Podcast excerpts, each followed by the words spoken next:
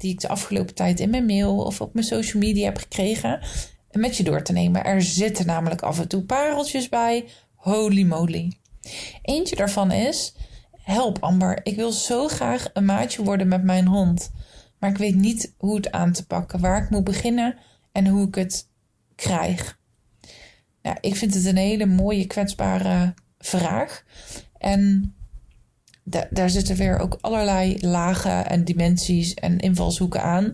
En dat is denk ik belangrijk altijd als je me ergens hoort praten. Ehm, is dat een soort van over de hond als globaal wezen. Er zijn natuurlijk rasverschillen, er zijn individuele verschillen, er zijn zoveel verschillende ja, dimensies in het wezen hond. Dat is natuurlijk bij ons mensen ook zo. Iedereen ervaart iets op zijn eigen manier. Iedereen heeft zijn eigen emoties en bedenken als we het over verdriet hebben, dat we ons hetzelfde voelen. Maar is dat zo? Als jij verdrietig bent, voel je dan ook daadwerkelijk hetzelfde als wanneer ik verdrietig ben? We denken dat het hetzelfde is. We hebben het soort van afgesproken. Maar is het ook echt zo? Laat staan als we het gaan hebben over uh, angst, de emotie angst bij honden. Is dat hetzelfde gevoel als dat wij angst ervaren? Uh, dat, we, we weten het van elkaar niet eens. Laat staan van een ander wezen. Om een maatje te worden met je hond, om terug te komen bij de vraag, is het wel belangrijk dat je aan bepaalde behoeften, om het zo maar te noemen, voldoet. En um, voor veel honden is een bepaalde behoefte. Um, ik moet hem anders zeggen. Je hebt een paar primaire behoeftes, uiteraard. Eten, drinken. Um, uh, eten, drinken, ja, zuurstof en uh, veiligheid. Dat, dat, dat zijn voor mij de vier primaire behoeftes. Um, maar daaronder zitten nog allerlei lagen. Denk aan voorspelbaarheid, mentale stretching, gevarieerde voeding, gezondheid, um, activiteit, voldoende rust. Dat zijn een soort basale dingen die een hond nodig heeft in de fundering om te kunnen zijn wie die is. En om vanuit daar ook een band met jou op te bouwen. Op het moment dat de hond iets tekort komt in de primaire behoeftes, is het altijd moeilijker om die diepere band met je hond aan te gaan. Dus je hond voorzien in behoeftes zorgt per direct dat je een maatje kan worden met je hond.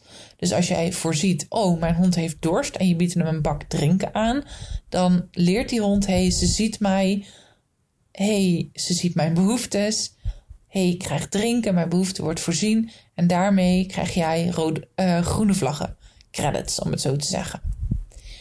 Honden zijn super loyaal, dus hoe meer credits je opbouwt, hoe, wat mijn ervaring is, hoe eerder je ook kan zeggen: Oh shit, je hebt iets aan je poot, laat me even kijken. Oh, het doet ook zeer. Oh, laat me je helpen. Dan breek je wel weer af in die credits. Maar dan zijn ze best heel loyaal. En dan hebben we en komen we ook gelijk op het stuk van vertrouwen.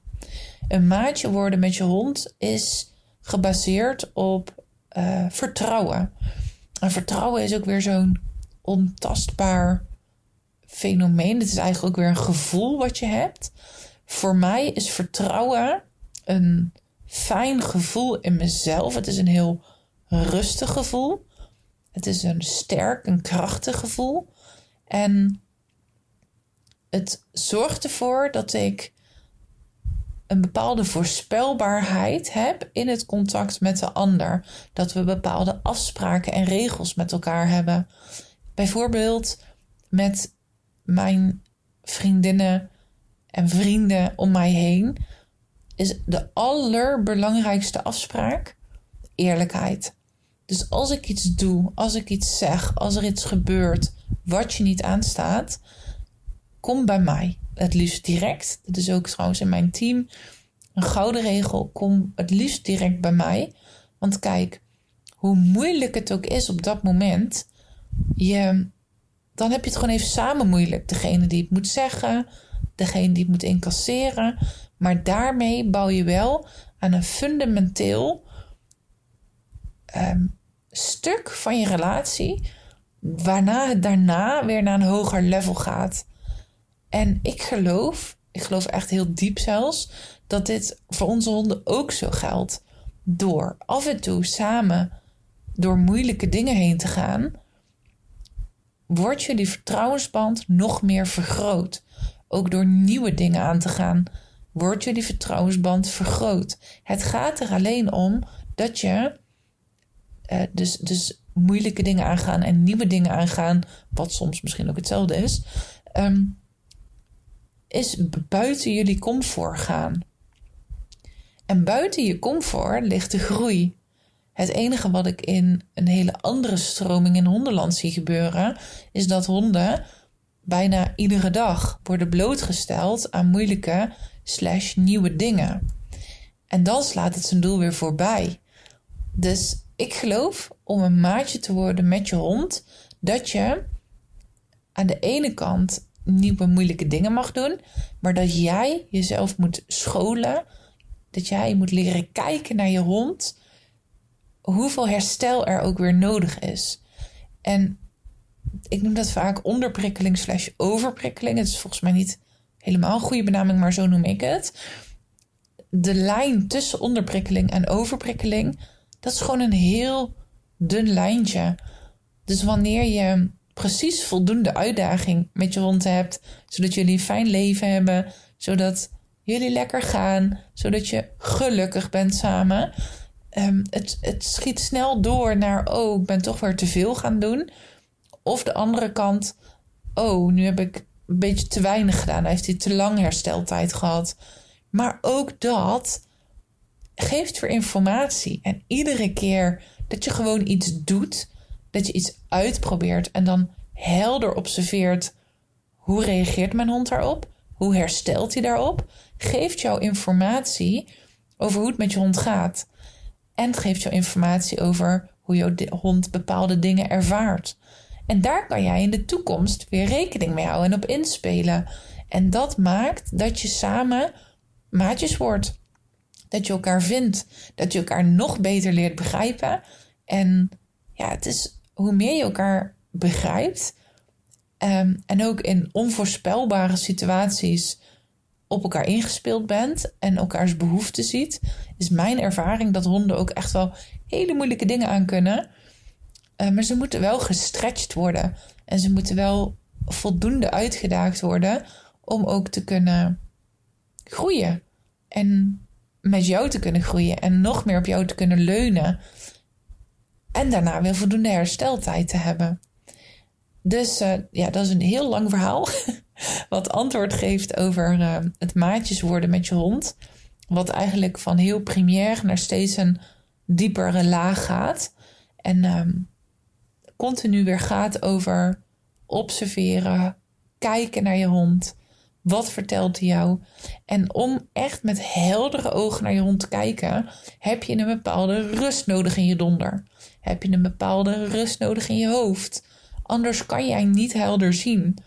Kan jij niet helder voelen naar hoe het met je hond gaat, überhaupt hoe het met een ander gaat. Hè? Die kan je dan ook weer breder trekken.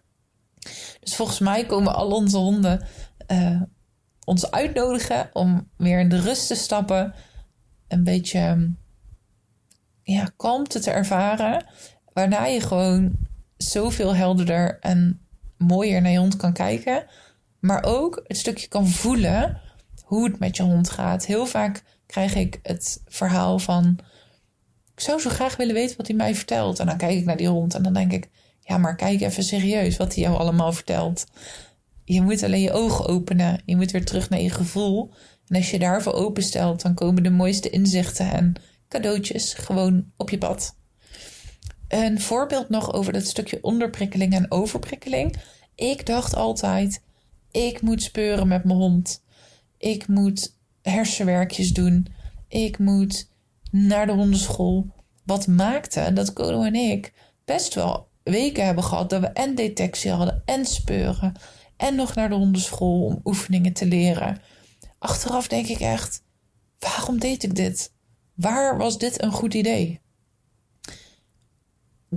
daarnaast kan ik weer zien dat het me heel veel gebracht heeft. Want dit is precies wat ik de hele week aan mijn cursisten uitleg en vertel. Terugkomend op dat speuren. Kono vindt speuren fantastisch. Echter, ik kreeg in de gaten dat hij soms, als hij echt een aantal moeilijke sporen had uitgewerkt, soms wel gewoon een week, zes dagen, tijd nodig had om weer een beetje in zijn energie te komen. Zoveel vroeg dat van hem. En uiteindelijk heb ik de keuze gemaakt om niet meer met hem te speuren. Hoe leuk hij dit ook vond. Ik vond het zijn algeheel welzijn, zijn algeheel welbevinden. Um, het doen achteruit gaan. Als jij zes dagen zo moe bent van het werk, dan heb je te hard gewerkt. Is speuren dan helemaal niet fantastisch? Jawel, speuren is fantastisch. En heel veel honden doen het er fantastisch op. Maar heb jij een hond die, ik zeg maar iets, altijd op dinsdag uh, vervelend is of uh, raar gedrag vertoont, overmatig blaft, heel erg reageert op alles wat voorbij komt, ineens weer uitvalt naar andere honden. En heb je bijvoorbeeld elke zondag gespeurd? Heel vaak zie je een groot, moeilijk evenement, in dit geval speuren. Daarna zijn ze een dag helemaal moe. En dan de dag daarna hebben ze vaak wat wij dan mensen als ongewenst gedrag bestempelen. Dat komt er dan een soort van uit. De oververmoeidheid of de overprikkeling of het verwerken. Ik weet ook niet precies wat dat is. Het enige wat ik weet is dat het in deze, um, heel vaak in deze, hoe noem je dat? Tijdsduur uh, voorbij komt. En dat durf ik echt te zeggen met uh, de afgelopen, wat is het nu, acht jaar ervaring in, tijdens het maken van de podcast. Um, dus kijk goed op het moment dat je op dit moment een hond hebt die ongewenst gedrag vertoont. Dat je even heel goed kijkt: oké, is daar een lijn in te ontdekken? Uh, wat doen we die dagen ervoor? Is dat op een bepaalde dag? Of is er helemaal geen lijn in te trekken? Dan is er natuurlijk iets anders nodig. Maar om maatjes te worden met je hond, is het dus ook soms zo dat je leuke dingen stopt vanwege het welbevinden slash welzijn van je hond. Want ook leuk kan te veel zijn. En ik denk als je op dat, met dat kleine niveau met je hond durft te schakelen, als je op dat kleine niveau samen durft te ontdekken en te onderzoeken en ook vooral fouten durft te maken, dan weet ik zeker dat uh, jullie maatjes worden. En, en wat daar nog mooi is om bij te zeggen, is dat maatjes worden ook heel erg gaat over bepaalde verwachtingen loslaten en druk weghalen. Die hangen wel heel erg samen met elkaar. Op het moment dat jij torenhoge verwachtingen hebt van je hond, um, hij moet, um, ik zeg maar even iets hoor. Hij moet s'nachts, als er iemand binnenkomt, zo komen waken. Maar overdag moet hij wel al jouw vrienden begroeten die binnenkomen. Hij moet uh, aan een slappe lijn lopen, maar met speuren moet hij trekken. Hij moet uh, komen als je hem roept, ook met afleidingen. Hij mag bezoek niet springend begroeten. Nou, zo kan ik nog wel even doorgaan met wensen die we hebben, verwachtingen ook die we hebben. Ik hoor ook heel vaak, ja, de winkel waar ik altijd kom, daar ligt dan een, uh, een uh, hoe noem je dat? Witte, ja, het heeft een andere naam. Zeg even wit. Een witte labradoodle bijvoorbeeld. En uh, daarom heb ik ook een labradoodle genomen. Want uh, ja, lijkt me zo fantastisch als mijn hond dat ook kan. Als ik voor het huis aan het werk ben. Maar het is niet zo dat een witte labradoodle dan dus altijd dit goed zou kunnen. Uh, daar komt dan het individuele aspect voorbij. Daar zit ook een stukje, wat hebben die mensen aan opvoeding, training gedaan? Nou, daar, zit, daar komen gewoon allemaal lagen voorbij die nu, voor nu te ver gaan. Maar daarmee zet je een bepaalde verwachting. En die verwachtingen gewoon lekker weer terugzetten naar nul. En je hond zo druk, vrij mogelijk helpen en opvoeden.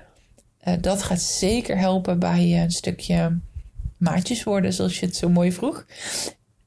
En wat daar nog bij zit, is dat je um, de, ik, nu is het heel vaak dat controle en voorspelbaarheid teruggeven aan de hond een hele mooie middel is om de hond meer zelfvertrouwen te geven. Ben ik het volledig mee eens. Het enige wat ik niet denk dat zo gezond is voor onze honden, is er een soort van autisten van maken. Dat klinkt negatief als hoe ik het bedoel. Maar als jij op tijd en uren heel erg in de structuur bepaalde dingen doet, dan gaat dat af van de flexibiliteit van de hond, van de weerbaarheid van de hond. Want als het dan een dag anders is, is anders, ervaart hij al stress. Dus hoe ik dat integreer in mijn dagelijkse leven is, als ik beneden kom, gaan we wandelen. Dat is een bepaalde vorm van voorspelbaarheid. Na het wandelen krijg je je eten. Dat is ook weer een mate van voorspelbaarheid.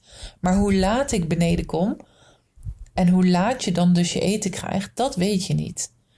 Dus ik heb een soort van blokken die voorspelbaar zijn, maar in 24 uur is het wel flexibel. En dit is enerzijds belangrijk voor het leven wat ik leef. En aan de andere zijde vind ik, en dat zie ik ook bij de honden die ik in huis heb, uh, heb gehad, dat het een bepaalde flexibiliteit geeft, een bepaalde onvoorspelbaarheid, waardoor ik ze weerbaarder vind. En fijner vind in de omgang. Dus wat dat betreft heeft het heel veel voordelen en ben ik minder van elke dag om vijf uur eten geven. Want dan beginnen ze gewoon om vier uur. Op een gegeven moment begint het al op te spelen. En dat zie je ook in de dierentuinen. Voorheen had je in de dierentuinen vaste voedermomenten. Op dit moment hebben ze dat uh, vaak niet. Het zijn wisselende tijden, omdat uh, nou, gewoon de speeksels anders al worden aangemaakt. Nou, het speeksel dat aan wordt gemaakt, maar nog geen voeding krijgt, is gewoon ongemak, geeft stress. Lang verhaal kort, het is minder handig om je hond altijd op uur aan tijd eten te geven. Behalve als je een heel angstig, onzeker hondje bent, ik zeg maar even lekker zwart-wit uit het buitenland, die even heel veel structuur nodig heeft om gewoon de dag door te komen. Dan ben ik weer groot voorstander van dezelfde ronde wandelen, uh, dezelfde routine in huis, hetzelfde ritme in huis. Maar ook deze honden wil je op een gegeven moment een bepaalde flexibiliteit meegeven. Dus en wanneer die omdraaien zit, ja, dat is echt super hondafhankelijk. Maar ja, dat is wel iets waarvan ik zou zeggen: kijk daarnaar, ontdek dat. En schakel daar ook echt hulp bij. En als je dus zo'n hondje thuis hebt zitten op dit moment.